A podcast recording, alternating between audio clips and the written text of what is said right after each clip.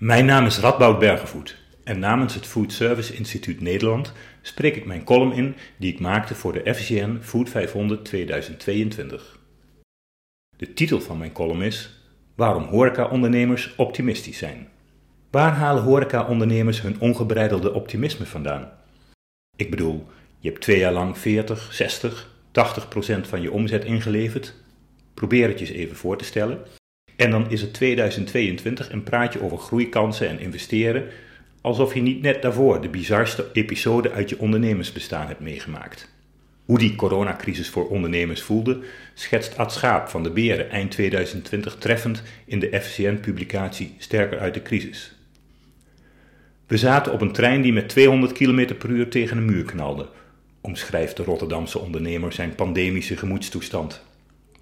Van het volle, luidruchtige foodservice leven en de eeuwigdurende actie en reactie met medewerkers en gasten, belandde Schaap en de zijnen in de surreële doldrum van de lockdown waaraan geen einde leek te komen. Om niet knettergek te worden van die onnatuurlijke stilte, kocht Schaap legpuzzels van 2000 stukjes en stapte hij elke ochtend in een ijsbad. Hij zal niet de enige ondernemer zijn geweest die naar dit soort buitennissige middelen greep om de vrevel te verjagen. En nu, halverwege het nieuwe jaar, trillen de bedrijven van de energie als bijenkorf in het voorjaar, als vanouds, en lijkt 2021 nog slechts een nare droom. Ik vind dat het meest indrukwekkende facet van deze FCN Food 500. Het gemak waarmee ondernemers de coronabladzijde omslaan. En ik denk dat ik weet waarom ze dat zo goed kunnen. Natuurlijk heeft de horeca uitzicht op groei en herstel. Er liggen kansen genoeg en het zicht op recordomzetten geeft deze entrepreneurs ongetwijfeld vleugels. Linksom of rechtsom, onze groei gaat gewoon door. Als wij straks de deuren openen, zitten we meteen vol, riep Schaap strijdvaardig in het midden van de pandemie. Nu is het zover.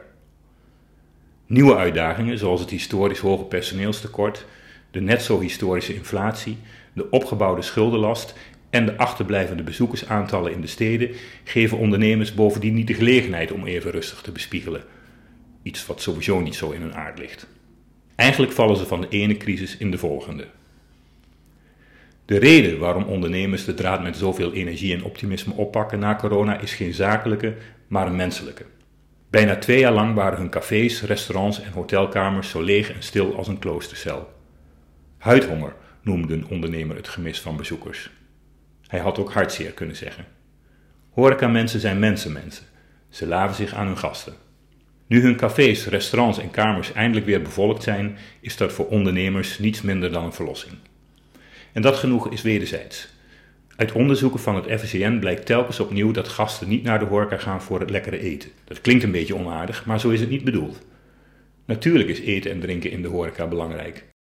Maar als puntje bij paaltje komt, kunnen we dat thuis ook.